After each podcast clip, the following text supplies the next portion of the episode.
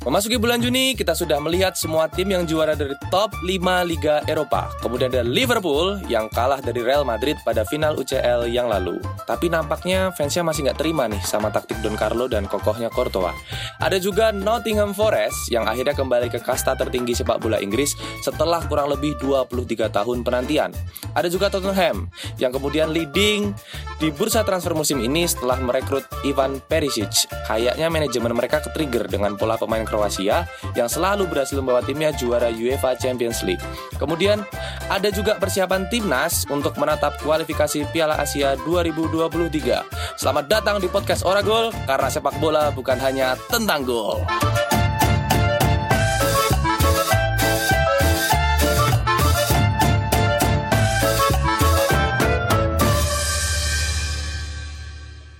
Yuk, selamat datang kembali di podcast Ora Gol Karena sepak bola bukan hanya tentang gol. Mantap sekali, absen satu bulan Pas banget nih 30 hari ya kan? Setelah ya melanglang buana Terus berpikir kayaknya kita nggak perlu konsisten-konsisten banget deh. Masih banyak nih hal yang perlu dilakukan Dan itu lebih menguntungkan.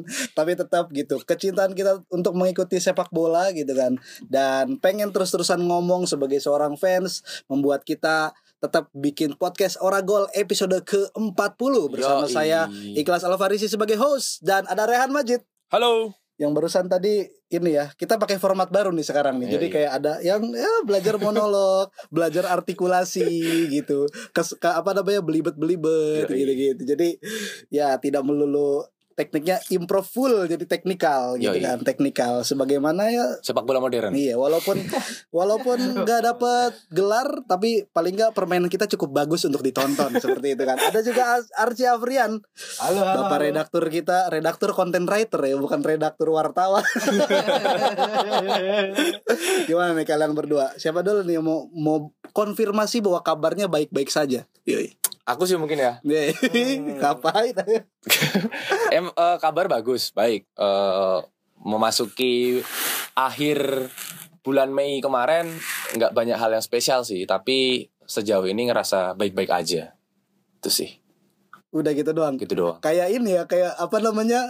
Formal banget sih. enggak enggak kayak ditanya pas kuis siapa berani gimana Atau, kabarnya atau awal-awal saat Iya, wawancara kerja kayak iya, gitu juga. gitu sih gitu sih Gitu. gitu Ah, gitu, gitu sih sih, itu gitu.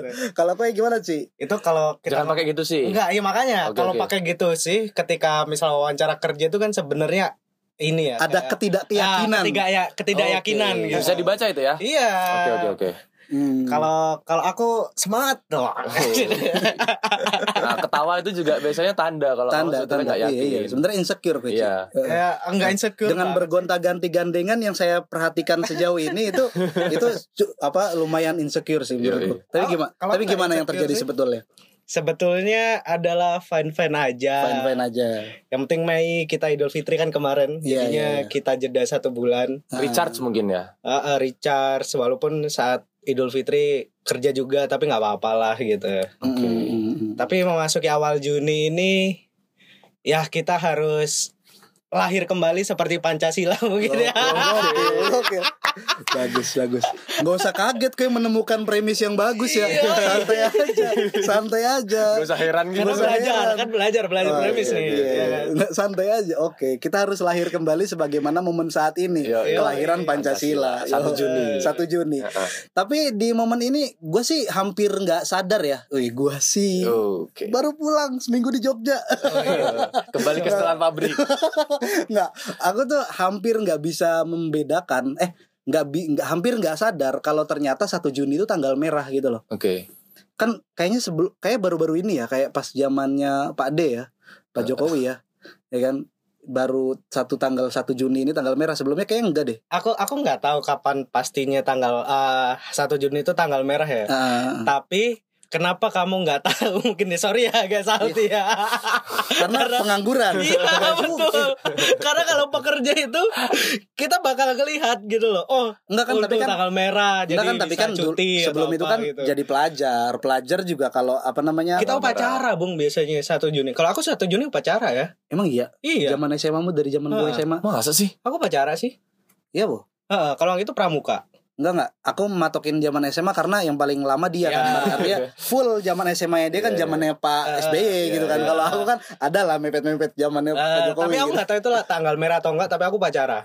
Upacara. Atau pramuka. Oh, iya. Seingatku. Oh iya, Hmm. aku nggak pernah inget si SD ku tuh zaman Oh, enggak ya, SD ya. Aku mulai kayaknya SMP deh. SMP, SMA. Oh berarti baru-baru kan? Ah, ah, ah. Sebelum-sebelumnya memang nggak bukan tanggal merah kan? Iya, ya itulah akhirnya tanggal merah dan saat ini juga ya faktornya banyak faktor karena saya tidak bukan pekerja formal Iya. gitu kan. Jadi tanggal merah nggak merah buka aja terus gitu. Sewa institut ini. Bukanya terus bodo amat lah gitu. Dan apa namanya ya baru nyadar oh sejak kapan gitu muncul muncul pertanyaan tuh seharian ini tuh Iya. sejak kapan ya gitu. Tapi enggan untuk googling juga karena nggak penting ya. Ada hal Iya, penting yang lain gitu. Karena untuk mempersiapkan episode ini mendingan waktu saya saya Spesial ya.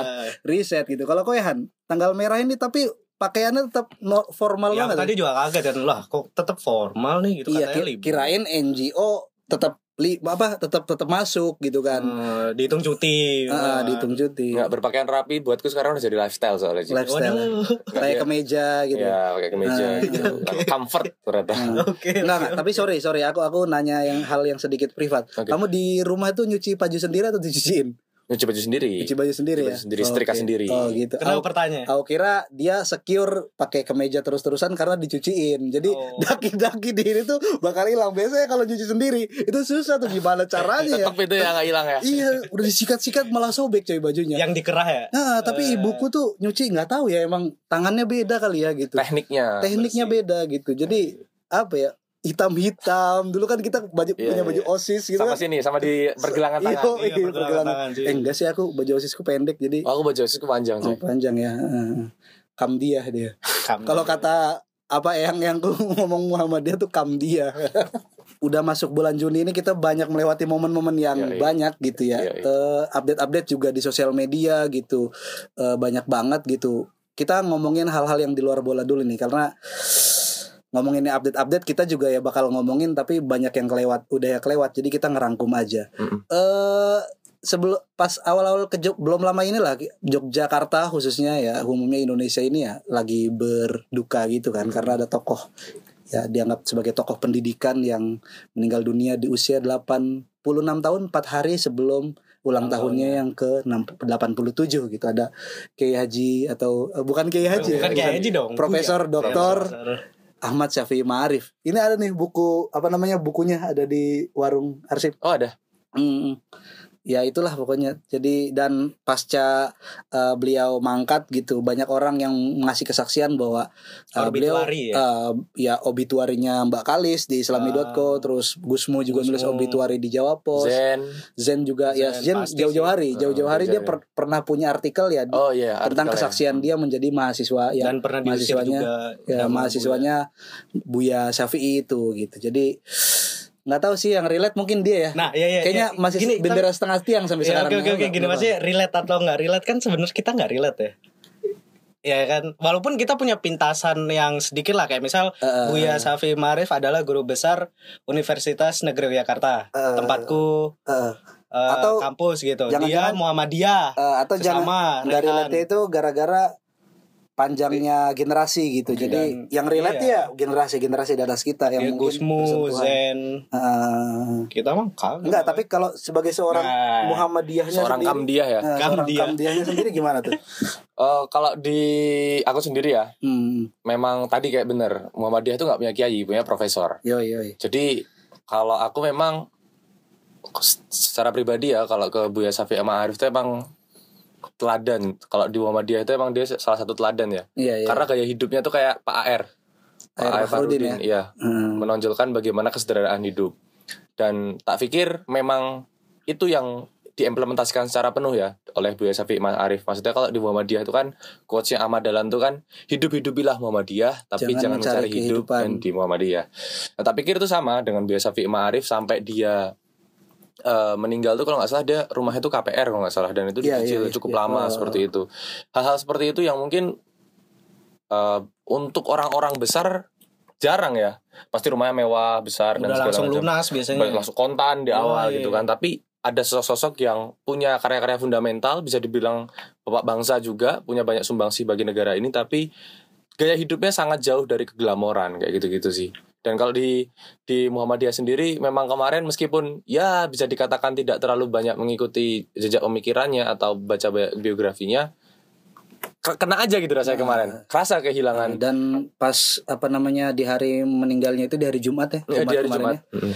Itu juga kayaknya ada kalau nggak salah aku baca satu tweet yang mengonfirmasi bahwa ya meminta gitu eh, dengan kematian dan kepergiannya Bu Isafi ini di hari duka tersebut jangan ada yang ngirim karangan bunga deh gitu Hmm, Oke. Eh, se- sesederhana itu gitu. Jadi dan juga para perawat yang merawat di PKU Gamping itu memberi kesaksian bahwa ya memang bukan manusia tipe manusia yang pengen direpotkan. Karena dia juga nggak mau nggak mau direpotin gitu. Hmm, oke. ya manusia merdeka gitu. Mm-mm. kayak ya keren lah gitu. Gue nggak mau gua nggak mau direpotin. Makanya gue nggak mau ngerepotin orang, orang, gitu. kayak gitu. Jadi menarik lah ya maksudnya orang-orang baik ke sini sama semakin ke sini bepergian ya nggak tahu ya Dan satu hal sih, Ah. dedikasi dia terhadap literasi sebetulnya. ya Dia sangat sekali sangat getol terhadap hal itu kan. betul sekali Dia juga nggak nggak nggak terlalu gila dengan berbagai tawaran nggak jabatan. tergiur sama politik ya Iya, Hmm. jabatan apa pun eh, di tingkatan kementeri bahkan. Eh, Tapi dia sangat getol menagih royaltinya. Itu kan oh iya iya menandakan bukan perkara dia butuh uang ya, tapi Eh. ya itu bentuk penghargaan atas karya dia. iya iya iya Dan itu bentuk ya profesi dia ya itu yang yang yang harusnya dibayarkan. Jadi eh, Buya Safi'i The Ma'arif real manusia merdeka adalah manusia yang hidup dari karya hasil dari aktualisasinya Baik. Dia menda- bisa hidup dari situ gitu. Iya, iya, iya. Bukan hanya menghamba-hamba tidaklah. aku juga aku juga aku juga nggak berhak ngomong kayak gitu ya karena quote and quote Gusmu itu. Iya. enggak enggak Gus mau coy itu Orisinil. dari sini menyadur dari banyak tulisan gitu kan. Sosokan sekali Paris ini enggak Ah, ya itulah berduka lah selamat jalan lah Buya Safi. Dan mudah-mudahan makin banyak orang baik yang menggan- mampu menggantikan perannya gitu. Di Muhammadiyah ya umumnya di Indonesia gitu. Terus ada update lagi eh musibah ya pejabat tapi kena musibah gitu. Eh Gubernur Jawa Barat anaknya yang lagi survei. Iya. Pengen masuk pesantren kayak di di Swiss Uh, di. Swiss pengen S2 Oke. Nah, terus ya liburan coba-coba objek wisatanya tiba-tiba kena musibah terbawa arus dan sampai sekarang belum Ditemukan. ditemukan oleh tim SAR ya Mm-mm. oleh tim SAR mana sih Basel ya mana sih daerah mana sih itu Bern, Bern, Swiss. Bern Swiss ya ya tim SAR-nya Swiss lah gitu Mm. tim SAR Swiss logonya palang juga nggak Iya. iya iyalah.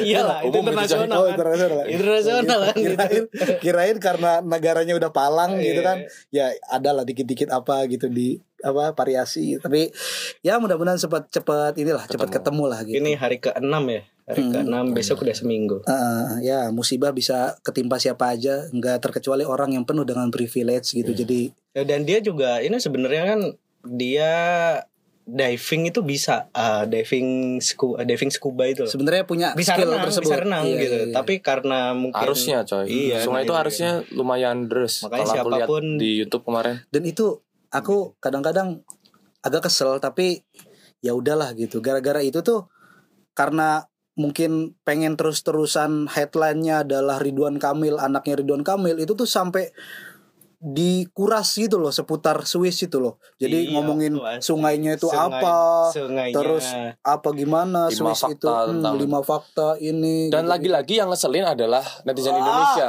Netizen Indonesia aku akui ngeselin lagi di kesempatan kali ini. Mm-mm. Tiba-tiba berbondong-bondong orang-orang Mm. Indonesia ngasih rating buruk di Google tentang Mm. sungai itu, wisata sungai itu dikasih rating buruk. Kenapa? Dikasih Google- bintang satu. Ya karena kesel anak Irwan Kamil hilang. Masa di Google Maps itu? Iya, dikasih review jelek.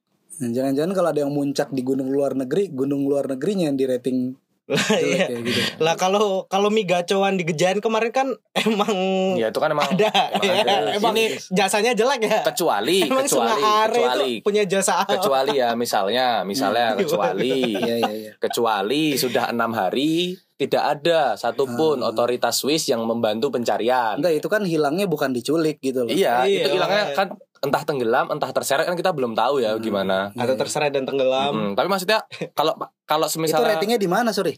di Google Maps. Di Google Maps. Oh bisa. Bisa, bisa, bisa. Oke. Kayak mie ayam gacoan kemarin. Iya, iya, ya, ya agak bodoh sih ngerating tapi belum pernah ke sana gitu. Iya.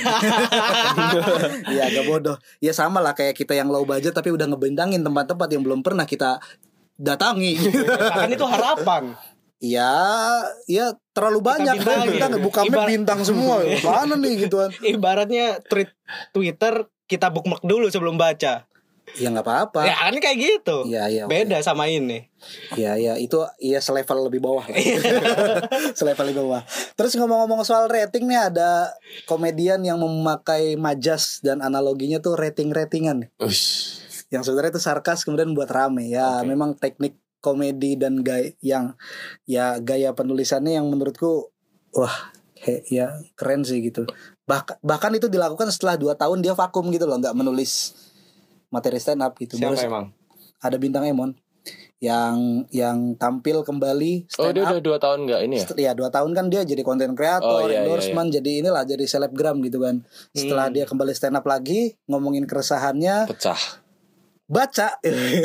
Oh pakai baca. iya karena dia nggak mau lupa gitu. Oh, Oke. Hmm, Dia nggak mau lupa. Tapi di stand up gitu nggak apa-apa ya bawa? nggak boleh. Oh nggak boleh sebenarnya. Secara visual nggak boleh, secara etika nggak boleh. Oke. Karena itu kan satu seni yang yang apa namanya mengedepankan Spontanitas mungkin ya. bukan spontanitas. Jadi kamu jangan sampai kelihatan kalau kamu mempersiapkan apa yang kamu mau Oke. omongin gitu kan. Itu seninya kan kayak gitu. Wa- Padahal itu dipersiapkan banget secara matang banget, Oke. detail banget.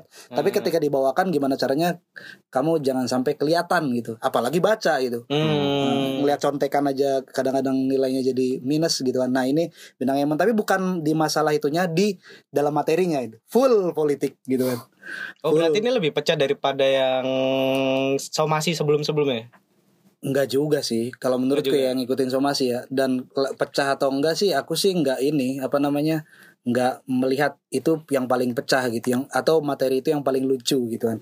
Hmm. Tapi tekniknya gitu loh. Oke. Kok bisa dia menyandingkan A B C D gitu kayak misalkan jokes pertama yang aku aku suka gitu. Itu bakal jadi jokes favoritku sih. Kayak dia mempertanyakan kenapa polisi bisa jadi ketua PSSI gitu kan. Iya. Nah gitu kan Terus ya sebenarnya dia nggak apa-apa Tapi kalau pakai logika yang sama harusnya bisa dong Ismet Sofyan jadi Polri gitu Jadi Kapolri Iya benar-benar. Kenapa alasannya Karena polisi dan pemain bola tuh sama Sama-sama suka nendang betul. Yang satu. Nendang bola Yang satu nendang penjahat Iya betul. Bukan nendang kawan-kawan di Malioboro lo ya Bukan, bukan. Nggak pernah dong Nggak gitu. pernah. Ya kayak gitu cukup viral dan lumayan banyak orang-orang yang nimbrung dari di keviralan itu yang ngomongin soal Bintang Emon di sebenarnya sudah aman hidupnya tapi kenapa dia mau-maunya speak up ngapa ngutarakan keresahannya terus ada di sepak bola mafia wasit Oh iya. Rame banget coy. rame banget dia sebenarnya mau sarkas juga kan Iya iya iya. bukan ya dia mau sarkas terhadap ya keberadaan apa, apa namanya eh, PSSI gitu kan dia sampai nge-up foto visi dan misinya Iwan Bapak Bule. Iwan gitu kan tapi dianggap negatif disangkanya malah menyerang si Bintang Emon. bintang Emon jadilah kemudian komentar-komentarnya adalah buzzer semua tuh anjing buzzer semua tuh Buzzer dari bintang Emon atau? buzzer buat nge- ikutan ngehujat bintang Emon Iya iya. Oh, anjay masih ada taktik kayak masih gitu. ya? ada masih ada Gokil. masih ada karena terakhir dia sebelum vakum stand up itu kan dia viral gara-gara apa namanya speak up soal apa namanya eh vonis hukum terhadap pe- apa penyiram apa pelaku percobaan pembunuhan Novel Baswedan Oh, kan. iya, iya, iya. Nah, yang katanya nggak sengaja gitu gitu kan dia Ah. sempat diserang sama buzzer dan di eh, fitnah Oke. bahwa dia narkoba gitu gitu Oh, iya, betul, gitu, betul. gitu kan. habis itu dia vakum lama stand up lagi naik lagi emang wah anjing nih kok orang bisa ya gitu Keren sih tapi. Heeh, umurnya seumuran sama kita cuy kayak jauh banget sih levelnya. Ya gitulah gitu. Udah Ah, jadi bintang dia sekarang. dibelain sama ah, Cak Andi Peci gitu kan. Di- bela bintang yang mana? Gitu gitu ya itulah mantap lah. Banyak hal yang apa namanya sebenarnya kita dapatkan. Kita juga ya berselancar lebih dalam kayaknya di sosial media terutama ketika eh, memasuki bulan-bulan akhir dari top 5 liga Eropa. Eropa gitu kan kita udah dapat semua juaranya Heeh. kita nih ya mulai di match pertama comebacknya kita sebelumnya kan mulai di match pertama cuman udah mulai-mulai titik-titik kritis gitu loh titik-titik apa kayak Liverpool persaingannya sama Manchester City udah diambang dramatisnya gitu kita malah wah sedang LDR Iya. Daripada pulang tuh ya, ya kemarin. ya. Manchester City ya ada Manchester Manchester City yang berhasil meraih juara setelah unggul satu poin saja di atas Liverpool, terus ada AC Milan 11 tahun buka puasa Serie A dan Bayern Munchen masih tetap jadi apa Jawara. apa sih namanya? Liga Petani. Eh, enggak apa namanya istilah sosiologi itu status quo. Waduh. Oke. Status quo. Menjaga status quo-nya Iya, di Bundesliga. Dan PSG juga sama gitu kan. Setelah absen tidak juara karena ada Lille yang juara musim sekarangnya ada PSG. Messi yang juara juga. Halan juga akhirnya ke City. Oh banyak banget nih update-update Iya, men. iya. Coba kita fokus di eh, juara-juara yang ada nih. Oke, oke. Apa dulu nih mau dibahas nih? City, Aku mungkin ke Liga Italia. oh Liga Italia. Ih, Serie A. AC Milan. AC Milan. Oh, Ini Gunawan Dwi Cahyo. Itu fans Inter ya dia. dia fans Inter dia. Iya. Salty sama Salty. Marcel. Oh, iya, mantap.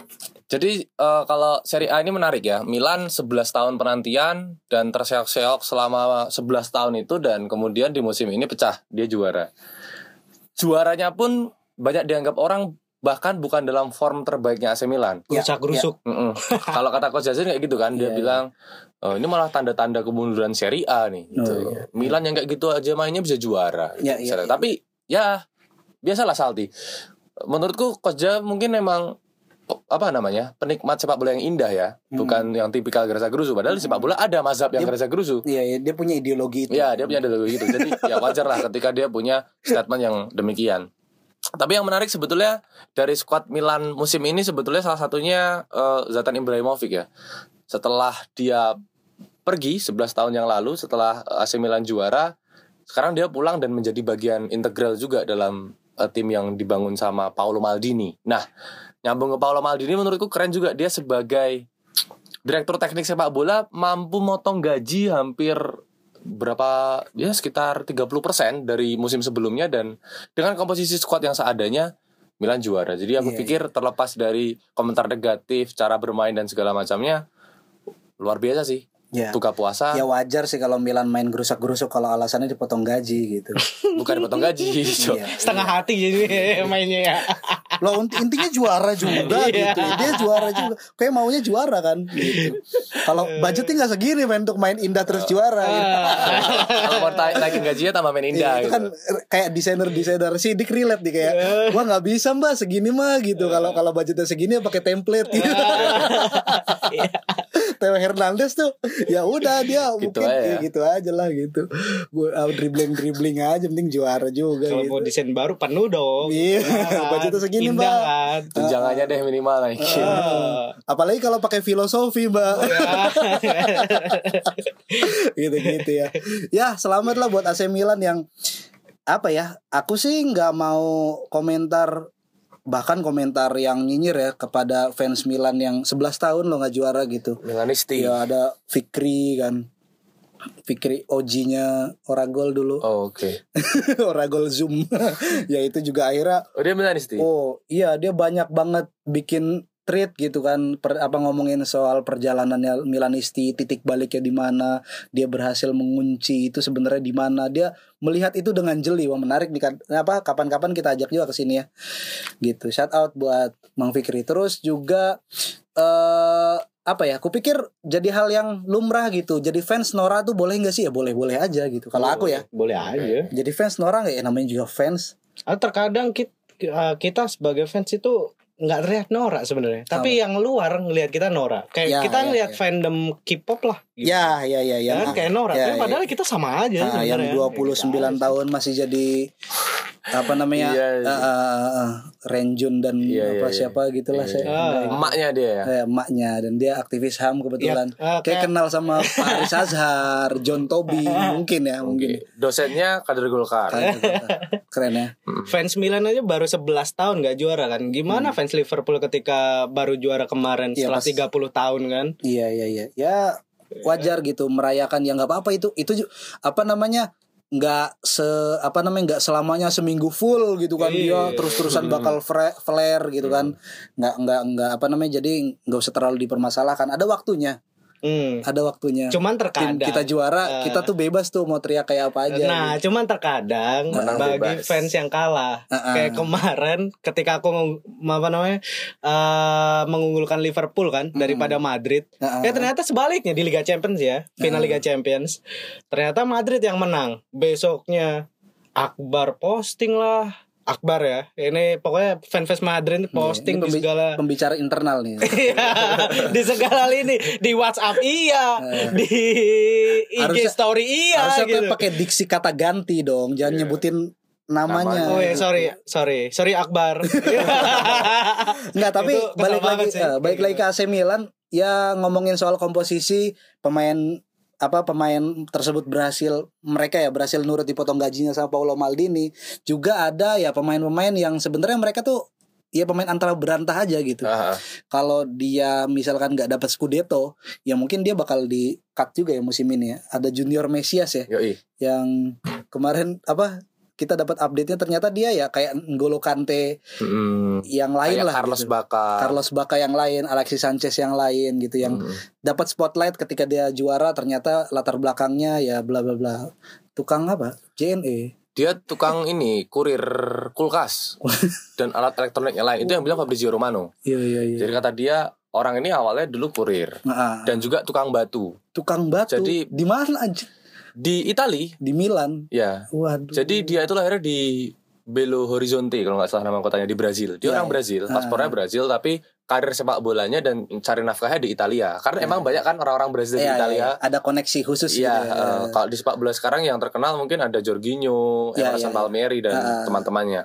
Nah, ini ada juga nih si Junior Mesias. Yang menarik sebetulnya namanya ya Mesias dan dia benar-benar jadi Mesias buat AC Milan musim ini. Ada beberapa key moment buat dia salah satunya di babak grup eh, Liga Champions musim ini. Jadi AC Milan kan emang nggak lolos ya, nggak Mm, lolos ke 16 paling besar. buncit bahkan. Mm-mm, Tapi dia sempat punya kans buat lolos. Ya ya ya. Syaratnya satu, ketika bertandang ke Wanda Metro- Metropolitano, dia harus menang lawan Atletico Madrid. Iya iya iya. Satu-satunya gol yang dicetak Milan dan memperpanjang nafas Milan di Liga Champions, Junior Mesias. Iya iya. Dari situ mulai naik namanya. Dan di beberapa match tak perhatikan memang dia nyekor, Hmm. nyekor-nyekor yang krusial. Jadi eh, terlepas dari nama besar Stefano Pioli, terus kemudian ada eh, Paolo Maldini di balik layar, di lapangan ada Rafael Leao, Iya iya iya. Ibrahimovic, ada satu orang. Rafael gocak-gocek Leo. Nah, anjing Indonesia banget. kan ada Christian Eloko Gonzalez ya. Iya. Rafael gocak-gocek Leo. Ada lagi Rafael dribble dribble. Eh. Dibilang dribbling, Nah, salah lagi. Eh. ya itu ya, ya. Ini namanya Junior Mesias. Usianya berapa? penyelamat kecil. Iya. Usianya berapa? Masih muda. 30 tahun coy 30 tahun. Iya. Oh, Iya tua. Iya Namanya Oh. doang junior Iya, makanya. Nggak tahu, sorry Milanisti, saya tidak paham lah. Tahu, iya. Heeh, Junior Mesias. Ya sempat sempat dapat spotlight ya di di pertengahan musim gitu, cuman aku nggak terlalu Berarti ngikutin. gitu. pemain depannya Milan yang paling muda itu cuman Leo dong. Iya Iya. Mm, Sama si Ya ya Iya, Leao. Sama Daniel Brahim Diaz Daniel Maldini Diaz sih? kan nomor 10. Iya sih Daniel Maldini nggak sih? Iya dia juga sering Daniel Maldini depan juga kan, Depan. posisinya bukan kayak bapaknya kan? Dan aku nggak tahu ya Ini karena bawaan latar belakang atau gimana Junior Mesias ini seperti orang-orang dengan apa namanya latar belakang sederhana yang lain ketika juara ketika mendapatkan spotlight dia tetap yang hahaha tetap yang senyum-senyum tetap yang Iya. oke terima kasih gitu Baru baru Scudetto. Baru- mungkin Nah, kalau dia dapat gelar-gelar yang lainnya mampu dia nggak menyamai levelnya Kante. Ini ah, eh, Kante itu semuanya udah di, dia ya, raih. Uh, Kante itu kalau ada FIFA itu ngadain Soleh Award Kante. Saat Kante dia apa pun udah dia udah raih tinggal balon di or doang mungkin ya gitu kan. eh, Dia udah udah semua ya Piala Dunia, Liga Champion, Piala Dunia antar klub udah semua. Aku jadi inget ceritanya BB di MU deh. Ini hampir sama gak sih? Tapi sayangnya BB tuh termasuk transfer gagal gitu kan di usianya Iya, juga iya. Mhm. juga ternyata dia usianya juga 25-an ketika ditransfer. Bukan Erik Jemba Jemba ya. bukan ya BB Iya, ya itu. sama sih cuman kan dia nggak bersinar dia punya masalah punya masalah disipliner sama si Alex Ferguson dan juga dia punya ya penyesuaian permainannya kurang Ya, iya. akhirnya gitu. dia banyak di reverse team dan akhirnya dilepas Nah, iya beda masalah ya. ya Ya gitulah. Ya selamat sekali lagi untuk fans Milan gitu kan. Ya bersenang-senang lah gitu karena besok mungkin musim musim depan ada ada tim lain yang bangkit sementara Anda terpuruk. Jadi ya nggak apa senang-senang lah dulu ya, gitu kan. nikmati masa-masa Ah, ini ah, ya dan dan kalaupun misalkan sedih jangan lebay juga gitu. Ya biarkan mereka yang merayakan gitu kayak fans Liverpool santai aja. Yoi. Ini tuh adalah masa kejayaan kalian gitu kan. Tahun depan sudah kubeli tiketnya. Nah, Jurgen Klopp udah punya keyakinan itu, jadi nggak usah terlalu sedih seakan-akan Liverpool mau bubar besok gitu kan. Biasa aja. Iya, biasa aja. Masih ada Kan, besok. Masih ada besok. Apa banyak pandit yang bilang gitu kan. Kita masuk ke apa update selanjutnya kekalahan Liverpool lawan Real Madrid di final UCL kemarin. Ada banyak pandit yang bilang eh squad Liverpool musim ini tuh ternyata nggak impresif-impresif amat. Tapi pencapaian mereka itu sangat signifikan. Dia berhasil mencapai titik puncak di semua kompetisi yang mereka mainkan Iya, iya. gitu kan dua di antaranya berhasil juara kan eh, FA sama Piala Carabao di apa Premier League dan di UCL dia kalah tipis banget kan yang satu kalah satu poin yang satu kalah satu kosong gitu kan. Satu poin ya kan juga sebenarnya. ya satu kosong Iya. gitu kan ya ya nggak apa-apa gitu terus ya akhirnya banyak perdebatan gitu karena memang menarik sih buat di buat di apa namanya buat dilihat gitu loh dan buat edukasi juga buat Hmm. kita seba, untuk kita sebagai fans gitu bahwa ini loh gaya main tuh kayak gini gaya main tuh kayak gini gitu ada Iya, iya. sepak bola proaktif ada sepak bola reaktif gitu-gitu Iya, iya. keren lah pokoknya gimana pul gimana pul Ya tahun depan lah. Gitu aja. tahun depan ya nggak tahu lagi sebenarnya udah udah males juga ngomongin ini karena karena kesel gitu loh kesel gitu tapi ya apa di mana kekesalannya jelasin dong. kesalahannya sebenarnya awalnya adalah pergantian Thiago ke Nabi Keita ya ya ya, ya. karena Nabi Keita itu kan gerusak gerusuk sebenarnya orangnya ya Oke. Ya, oke. makanya permainannya tuh gerusak gerusuk gitu dan Namanya doang Nabi ya.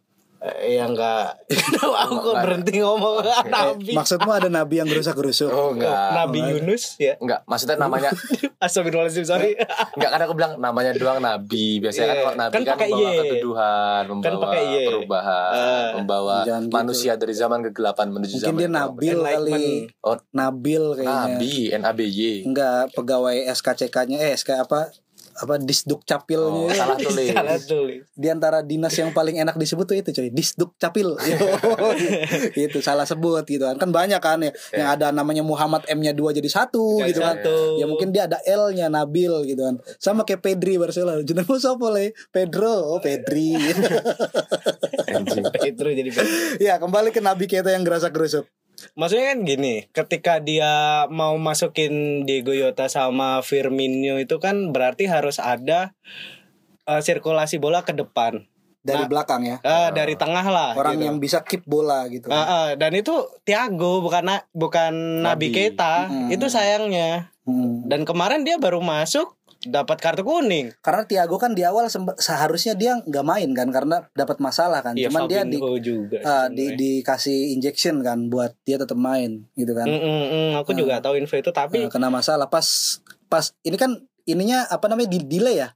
Aku Iya, sempat iya. sempat ngeliat tuh dia pas pemanasan atau pas latihan gitu kalau nggak salah dia kena masalah jatuh juga tuh. Hmm. Ke- Oh, Jadi tambah kena masalah ya mungkin dia nggak mau ngambil resiko kali. Dan juga ya nggak tahu lah Liverpool tuh kalau menang tuh kayaknya pemainnya superhero semua men. iya sih. Iya kayak Kayak, kayak maksudnya sempurna semua anjir ya. Iya kayak kayak anjir doping semua tuh harus dicurigai itu. iya coy kalau menang ya kalau Iya. menang bahkan menangnya saya besar karena Capek. ya bayangin apa namanya intensitas yang sangat tinggi dan dia berhasil meraih semuanya gitu loh di puncak kayak apa update yang terbaru ya Virgil van Dijk kan mereka sekarang udah ba- balik ke timnasnya masing-masing. Iya. Virgil van Dijk pas, pas sekarang balik ke Timnas, timnas Belanda. kan pertandingan terdekat UEFA Nation League lawan Belgia kan Belanda Iya. kan. Kata Van Gaal ya Van Dijk dimainin nanti lawan Belgia habis itu udah lu pergi liburan gitu karena nggak sehat gitu. Hmm. Nah, sama Van Gaal udah langsung dikasih apa dikasih Libur. liburan. Libur. Nah, udah libur-libur gitu. Jangan jangan kamu andalan gitu udah lima piala apa Karena biar rilis kekalahan juga mungkin ya. Ya, Dan kecapean fat apa ya namanya? kalau itu nggak profesional sih Kalau rilis kekalahannya terlalu lama ya gitu. Tapi ini emang bener-bener intensitasnya padat banget gitu kan. Bayangin 51 pertandingan apa dalam setahun. Kan gokil sekali ya.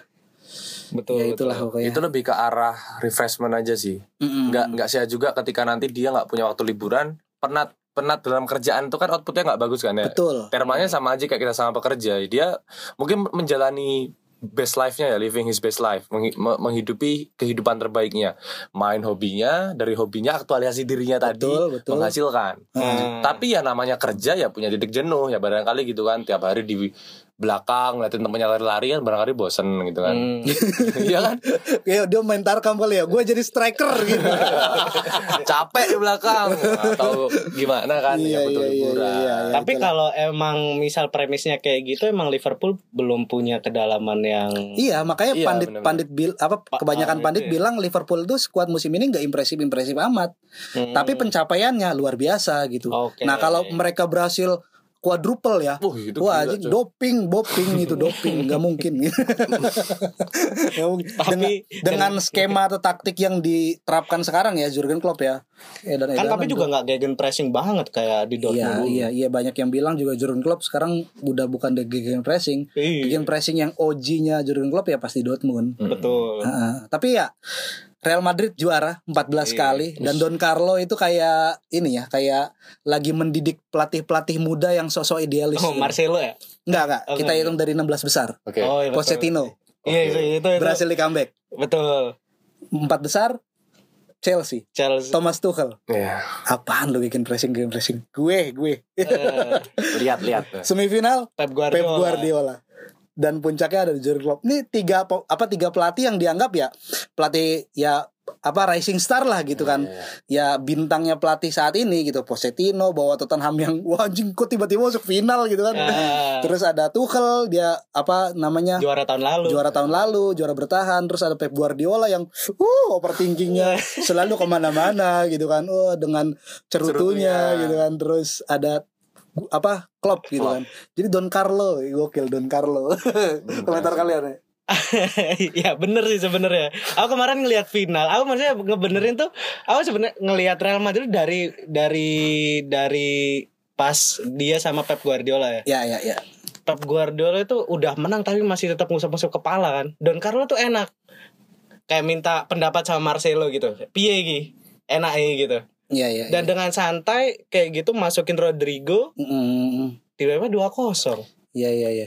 Kayak ini ya kayak aku ngelihatnya tuh apa Guardiola, P, apa Klopp, Tuchel itu ketika dia kesulitan nyari taktik dia kayak bos pabrik. Sementara Don Carlo kalau lagi ngeliat taktik kayak bos startup gitu kayak Oh, ih. ngelihat karyawan, ngelihat asistennya kayak gimana coy, kira-kira Iya, gimana di situasi ini. banyak gitu. penasehatnya gitu Yo, kan. yo, iya. Bukan eh, nyari Nah, asisten. Jadi bekerja ya gerobak itu di ditarik bareng-bareng gitu. Bukan Bukan di- nyuruh-nyuruh. Bukan dia yang naik di gerobak itu Iya. terus dorong, dorong kayak gitu kan. Aku Ada ilustrasinya ada meme-nya gitu Iya, kan. iya, tahu, tahu, tahu. Abduh karikatur tuh biasanya Iya, itu. ya itulah Real Madrid ya banyak update-nya kayaknya udah banyak yang bahas ya tapi kita mau ke update selanjutnya aja gitu. Ada oh, banyak banget. makanya kan. Makanya makanya aku Oh. juga penuh semingguan ini Oh, banyak banget. Liverpool. Karena ada yang lebih mantap nih gitu kan. Siapa tuh? Eh, musim depan kita akan melihat tim legendaris dari kota mana sih Nottingham ya? Ada Nottingham Forest. Iya, Nottingham. Dari kota Nottingham ya. Iya. Nottingham Forest yang pernah juga dua kali juara Champions Eropa, League, iya. ya juara Eropa dia berhasil kembali ke kasta tertinggi Liga Inggris. Gokil, tim yang warna merah itu. Kalau aku ngelihatnya Nottingham Forest ini memang sebetulnya ya kalau kita lihat di piramida sepak bola Inggris sebetulnya dia bukan tim yang terlalu superior. Kalau Ya, nggak ya, salah itu kalau nggak salah ya nanti bisa dicek. Dia kayak baru sekali juara Liga Inggris kalau nggak salah ya. ya, ya. nanti ya. bisa bisa dicek deh. Aku aku tadi baca di beberapa Dia sebelum era Premier League ya keren. Iya, Ah. di era makanya disebut tim legendaris gitu ya. Ah, ah, ah, kayak gitu. Nah, eh, dan juga sebetulnya di eh, sepanjang musim ini di Championship juga dia tidak memperagakan sepak bola yang benar-benar impresif dari awal musim. Itu semua terjadi ketika tim ini diambil alih kepelatihannya oleh Steve Cooper. Oke. Jadi ada perubahan pelatih di s- eh, pertengahan musim dan itu membawa perubahan bagi eh, sepak bola di Nottingham Forest. Ya, ya, ya. Ada enggak enggak pertanyaanku adalah kira-kira ada nggak apa basis fansnya di Indonesia? Mungkin ada Atau ya. tiba-tiba muncul gitu kan kayak kalau Newcastle udah lama ya. Kadis tuh dari kapan tuh Iya. adanya Kadis? Gini gitu? aja deh, Leeds ada gak sih Indonesia? Ada Leeds. Ada Basis ada? Ya, Dex Ada. Indonesia kan fansnya Leeds. Iya. Oh, Oke. Ah. Dia ketuanya ya? Nggak tahu. juga, Nggak tahu juga. Iya maksudnya ada nggak dia kan tim legendaris. Iya lama yang banget. mana yang mana sepak bola apa ya Liga Inggris kan Hmm. ya serunya gitu kan ya pas udah era-era sekarang kayak ya nggak tahu ya. Aku bukan ya ngefans bola ya dari 2004 tapi 2010 itu baru bener-bener mata kita itu terpaku di Inggris gitu loh. Sebelumnya kan di Italia, Spanyol ya kayak punya porsi sendiri-sendiri gitu kan. Nah, Nottingham Forest nih kira-kira emang udah ada dari dulu orang-orang indie-indie open minded Di gitu loh. Indonesia maksudnya? Iya iya iya. Gitu. Mungkin ada tapi dan nggak besar mungkin ya. Karena Ah. pertama di media 70 80-an di mana mereka berjaya, Hmm. mungkin exposure sepak bolanya bukan ke Inggris ya saat Ah. itu, ke Italia atau ke iya. Belanda justru. kalau kalaupun misalkan posisinya belum ada mereka ya bisa bikin sosial media Nottingham Forest ID gitu Iya. untuk menjaring basis masa yang ada di Indonesia kan Mm-mm. nanti bikin meme gitu kan Harry Kane apa kayak Tottenham kan bikin Harry Kane sama Son Heung-min jalan di Jogokarian ngapain gitu bikin-bikin konten-konten Iya, iya, iya, engagement kayak gitu gitu. Ya, betul betul. Kadis ya kan giveaway jersey Aku gitu. ikut coy tapi nggak dapet. beli aja beli ya lah Tapi mungkin barisan fans barisan sakit hati Liverpool mungkin yang akan. Karena sejarahnya itu eh ini dua tahun eh tiga tahun tiga tahun Leeds itu kapan ya? Promosi ya? Tahun berapa ya? Tahun kemarin. Tahun ke- pas atau pandemi. 2020 Iya, pas iya. pandemi pas Ah. Marcelo Bielsa kan. Iya, heeh. 2020 atau 2021 Iya 2020 kayaknya. Berarti dua tahun yang lalu ya? Iya iya iya. Ah, itu kan ketika Leeds naik itu kan jadi eh, fans Liverpool kan sebenarnya agak senang ya.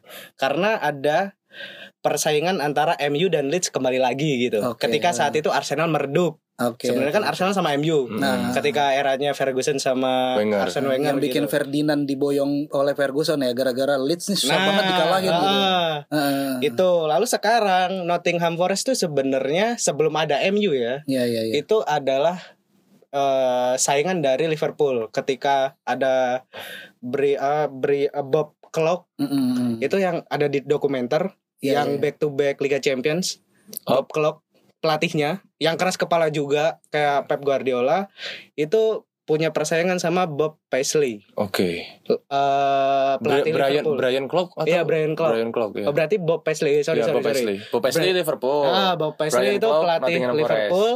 Brian Clough itu pelatihnya Nottingham Forest Mm-mm. di medio 70 atau 68 gitu, Mm. awal-awal 70-an.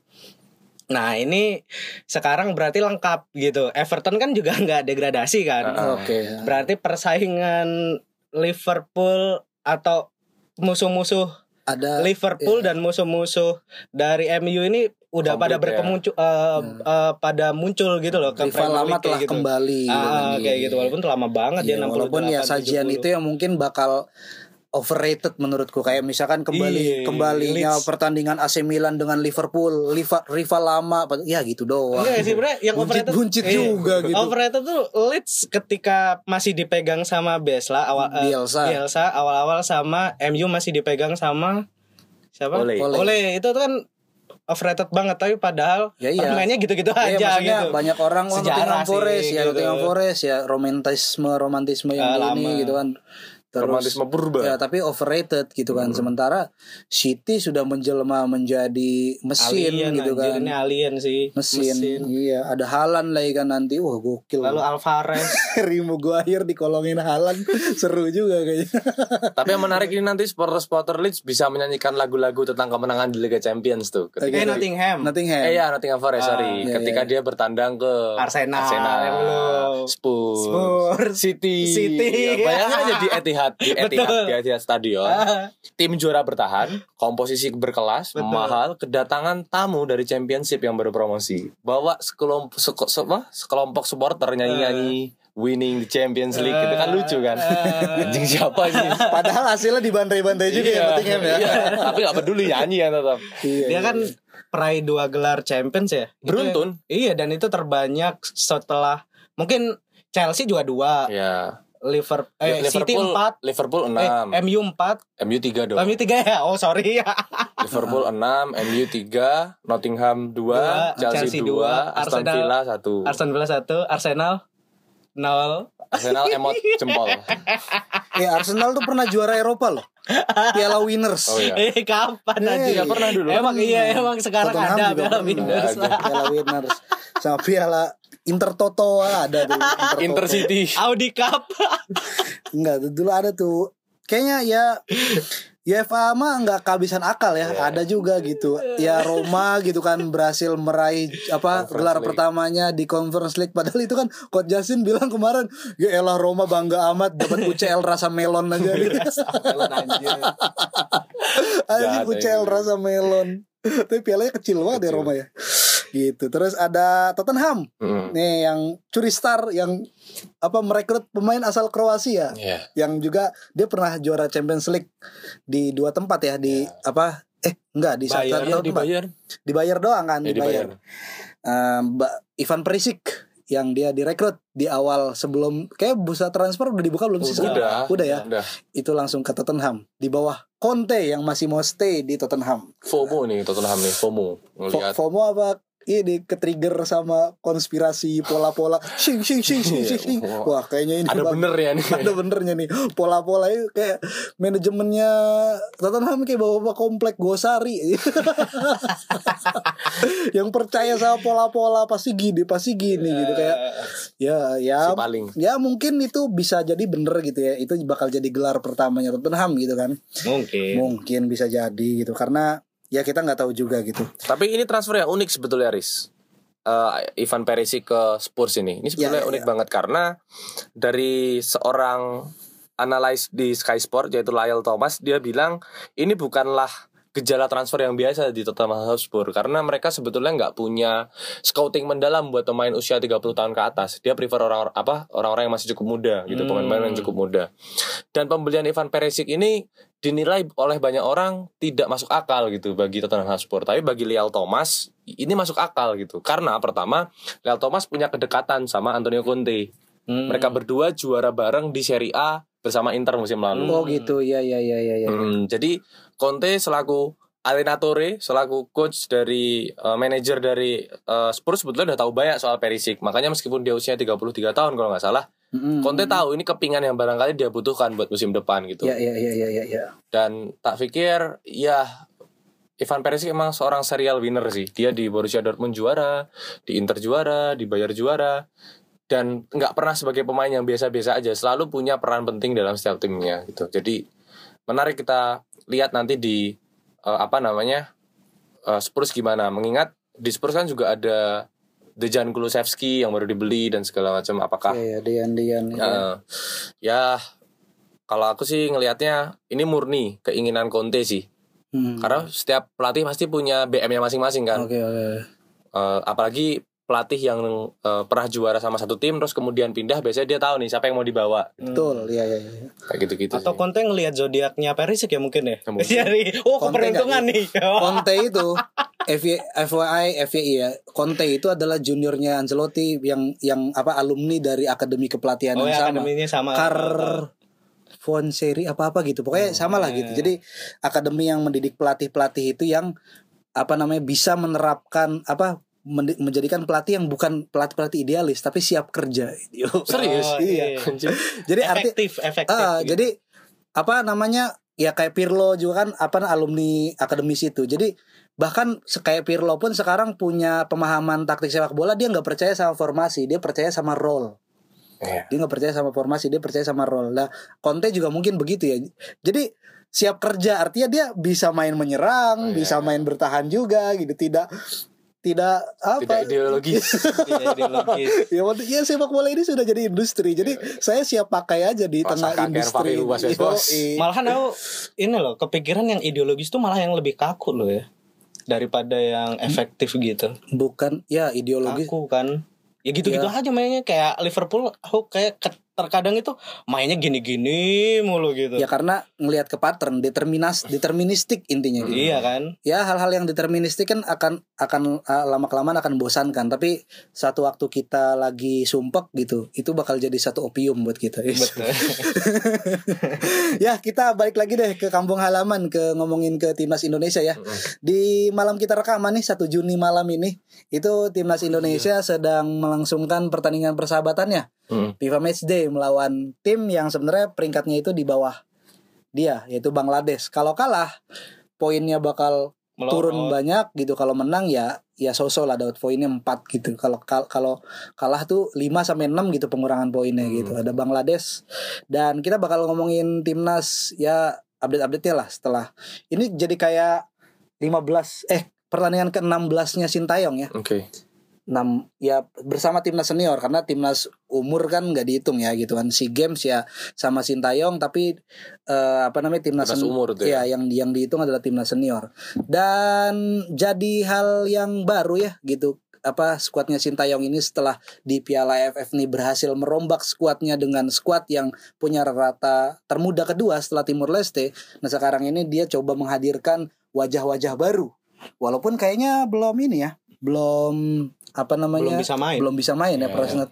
Enggak, aku tuh bingung sama PSSI men kayak lu tuh kayak nggak kenal sama orang gitu loh. Oke. kayak kayak maba yang lagi ngurus administrasi ke dekanat atau rektorat ya. jadi kan nggak tahu ya gitu birokrasi ini kan mereka kan birokrasinya sendiri gitu loh masa nggak cepet sih gitu naturalisasi apa segala macem gitu Dan kayak nggak belajar dari pengalaman gitu kan udah sering naturalisasi orang kan. iya Nggak cuma pemain sepak bola kan kayak kayak banyak orang naturalisasi nggak cuma pemain Jangan-jangan orang-orang di PSSI ini orang-orang yang dibenci kebanyakan orang Jadi ke mana mentok, ke mana mentok gitu, ke mana mentok dikasih gitu. jalan ya. Iya jadi kayak ah, males lah berurusan sama orang itu gitu Jadi akhirnya lama. Iya akhirnya lama gitu Nih PSSI nih gimana kalian Les Timnas kita nih Ya itu itu salah satu masalah ya di eh, udah udah udah bergulir ya pertandingannya. Tapi sebelum eh, match ini dilaksanakan sebetulnya jadi satu masalah, yaitu masalah proses naturalisasi. Nah Sintayong ini sebetulnya punya dua plan, plan A dan plan B. Plan A yang dipersiapkan sebetulnya melibatkan Sandy Walsh dan juga Jordi Amat dalam skema permainannya menuju Piala Asia. Dan plan B-nya ya tetap dengan pemain yang ada. Tapi yang jadi masalah tadi ada kemungkinan besar melibatkan Jordi dan Sandi gitu di Iya iya iya di squad ini. Tapi lagi-lagi PSSI gagal merampungkan urusan administratif gitu kan. PSSI kan nggak main bola ya? Iya. Dia kan ngurus administrasinya ya? Iya, iya. itu pekerjaan Kenapa? dia Iya, gitu. pekerjaan tiap hari di sama sama dia gitu. Kecuali Pak Yunus Nusi. Ya. Sebut aja lah bodo amat. Sekjen PSSI-nya dia pas lagi di tengah dia dia main bola juga gitu kecuali Hmm, gitu kan. dia ada jadwal latihan gitu. Mm-mm, kecuali Kan double enggak. job enggak. Enggak, dia kan fokus di situ. Tapi lagi-lagi banyak orang bilang mau kaget tapi ini PSSI gitu. Mau heran tapi ini PSSI jadi kayak akhirnya semua netizen jadi rahasia umum gitu loh. Ya emang PSSI nggak pecus kerjanya gitu. Hmm. ya sayang banget ya Jordi dan Sandi harusnya bisa jadi bagian penting apalagi kemarin datang lagi Shen Patinama ya kan Iya iya iya yang Yunani itu ya. ya belum lagi nanti ada Ragnar Oratmangun iya kan Iya iya. banyak banget sebetulnya proyeksi Mulyadi di siapa Sampdoria ya, Mulyadi Oh, Mulyadi itu. iya, ya tapi iya, dia iya. kayaknya udah nolak ya. Emil Audero Eh, Mel Audero Mulyadi kan. iya Emil Audero kan Mulyadi Iya, bapaknya yang nolak dia nggak tahu Oh, bapaknya nolak. iya Jadi udah bapaknya keren lah, Pak. Bagus, Pak. Ngapain, Pak? ditanya Gitu. tuh sama orang kan gimana Hmm. kalau Emil gabung timnas Indonesia apa gabung timnas Indonesia mimpi Waduh. Iya maksudnya eh, bapaknya mungkin pengen anaknya tembus ke Gili Azuri Iyalah, mungkin ya. lebih inilah. Iya. Ya gitu Ya deh. nanti aja kalau udah Jordi Amat kayak udah dia nggak punya tempat lagi. Anjing. Enggak. Orang nggak tahu ya ke apa orang tua orang tua kalian ya yang yang sama-sama suka bola. Ya orang tua maksudnya generasi di atas kalian gitu. Di di tempatku, di rumahku itu ya aku punya paman, punya ayah gitu. Sama-sama suka bola, suka timnas. Itu selalu nyinyir terus, salty terus coy sama timnas tuh. Hmm. Gitu ngelihat ada pemain naturalisasi gitu, Christian Gonzalez. Alah. Nih ini pemain udah nggak kepake kali ya, udah diusir kali dari negaranya ya. Jadi mau apa? Jadi ngungsi ke sini gitu kayak gitu Eh, itu kalau main di Uruguay itu jadi level Tarkam kali gitu-gitu. Jadi apa ya? Ada ada apa namanya? Ada satu sisi tuh pengen pengen apa nggak bisa menerima kalau skuad kita tuh diisi oleh orang-orang bule dalam tanda kutip gitu kan. Tapi satu sisi juga menyayangkan banget kok ya nggak berkembang berkembang gitu Hmm. situasi timnas kita gitu-gitu. Nah kalau misalnya kita ngelihat di line up-nya nih ada wajah lama yang sempat menjadi pahlawan di Asian Games 2018 walaupun ya Indonesia akhirnya gagal juga kan di 16 besar ada Stefano Lillipali yang dipanggil kembali. kembali. jadi starting bahkan terus ada mas-mas Tokyo Verdi yang kembali jadi starting line up. Pratama Arhan Asnawi juga kayaknya belum kelihatan ya apa pentolan-pentolan Liga satunya belum kelihatan ya yang belum belum dimainin ya atau jangan emang nggak dipanggil ya sama Sintayong Ya, kan ada kayak- Irfan Jaya Hmm. kan terus ada juga Ini aja main kok. Irfan Jaya main ya Mm-mm. Enggak, pentolan-pentolan Liga 1 itu loh nggak dipanggil ya kayak. Kambuaya gitu. Enggak, Kamboya nikah. Ah, Oh, masa Oh iya nikah. Kamboya sekarang lagi nikah. Iya lagi honeymoon kayaknya. Honeymoon. Yoi, kayaknya di ini sih di apa namanya Raja Ampat Hmm. dekat kan dari rumahnya. Iya ya kayak Ik- Iqbal Nevo kan tetap di Persib kan. Kan. Pentolan-pentolan Liga 1 Ya kan? Tapi menarik juga di line up kali ini di bench kita akan melihat sosok Elkan Bagot Yoi. yang kembali lagi. Jadi kemarin waktu sesi latihan itu sempet tiga bule jajar bareng Sandy Walsh, Jordi Amat dan Elkan Bagot gitu. Iya, iya. Ya mungkin di generasi kita, di generasi adik-adik Dia kita kayak pengen nanti- ngomong gitu, saya adalah penyelamat kalian. Iya. Ratu Adil. Ratu Adil. Yoi. Kayak ke depan mungkin buat kita dan anak cucu kita nanti mungkin akan lebih akrab ketika timnas kita itu diisi oleh orang-orang berkulit putih gitu, naturalisasi dan sampai satu saat akan meledak sebuah pergerakan yang menolak orang-orang bule di dalam timnas karena merasa ini kayak kolonial dulu gitu. Nah, kalau sejarah adalah Iya, iya, pengulangan ya suatu saat akan ada ya. ledakan itu PSSI akan Dari di- awalnya xenofobia. ini tolong dicatat ya. Ini nanti tolong dicatat Iya. ini. Beberapa tahun lagi akan ada ledakan yang menggugat PSSI untuk menolak pemain naturalisasi karena jadi rakyat, balik lagi ya. karena rakyat muak gitu. Eh, Jadi bersiap 2.0 ya, eh, tapi enggak lah. Jangan sampai lah ada kejadian itu lagi karena itu benar-benar memilukan ya. anjir prediksi. Prediksi. Prediksi. Iya, iya. Kan iya. sotoy-sotoyan aja sih. What if, what if? What if. Nggak apa-apa ya. Budaya populer membolehkan hal itu. Iya. Kalau akademik kan tidak boleh gitu ya. Bodo amat lah. ya, ya. Tapi timnas ini melewati beberapa ini ya kita bahas update nih ya melewati beberapa persiapan yang dia tuh ini kan tampilnya di Bandung Eh. di stadion Si Jalak Harupat yo udah lama banget nggak dipakai tuh. Eh ada penonton tiketnya delapan puluh ribu. Wah aku kalau di Bandung aku nonton tuh. Murah sih itu. Lumayan gitu kan buat ya walaupun itu kehitungnya misalnya aku nggak punya duit nih minjem aku berani Iya, karena bisa. membayar kerinduan gitu loh ya bayar ke temen ntar, aja gitu ya ya membayar kerinduan harus gitu tai emang Dua tahun kan ya. iya ya gitu ya pandemi juga Iya, kita udah makanya. udah dibolehin Nonton. uh, bebas udah udah apa booster juga gitu Eh dan persiapannya itu awalnya latihan sebelum ke Bandung itu kan mau di Stadion Madia dulu Oke. tapi nggak jadi karena stadionnya belum di booking ya ampun ini lagi-lagi di ya Allah PSII ini PS- PSSI ini Kan padahal administrasi ya. Tugasnya ya. Lagi-lagi kan. Ini bahkan dalam taraf yang sangat sepele gitu loh. Nemuin Anjing.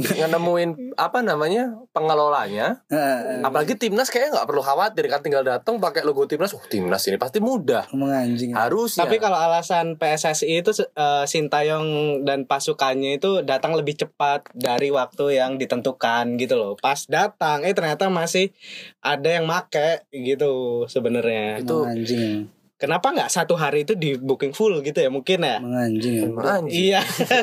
Udah, iya kalau gini oh ya bener lah Ismail Sopian bisa jadi Kapolri Iya. boleh boleh nendang ya berarti ya. Nendang penjahat. Menang jahat Iya, oke. menendang menendang pelanggar hukum Iya. walaupun hukumnya absurd. Kalau katanya bintang Emon bercanda diseriusin. Hukum dibecandain. Waduh. Itu aja dari kita. Sampai jumpa di episode selanjutnya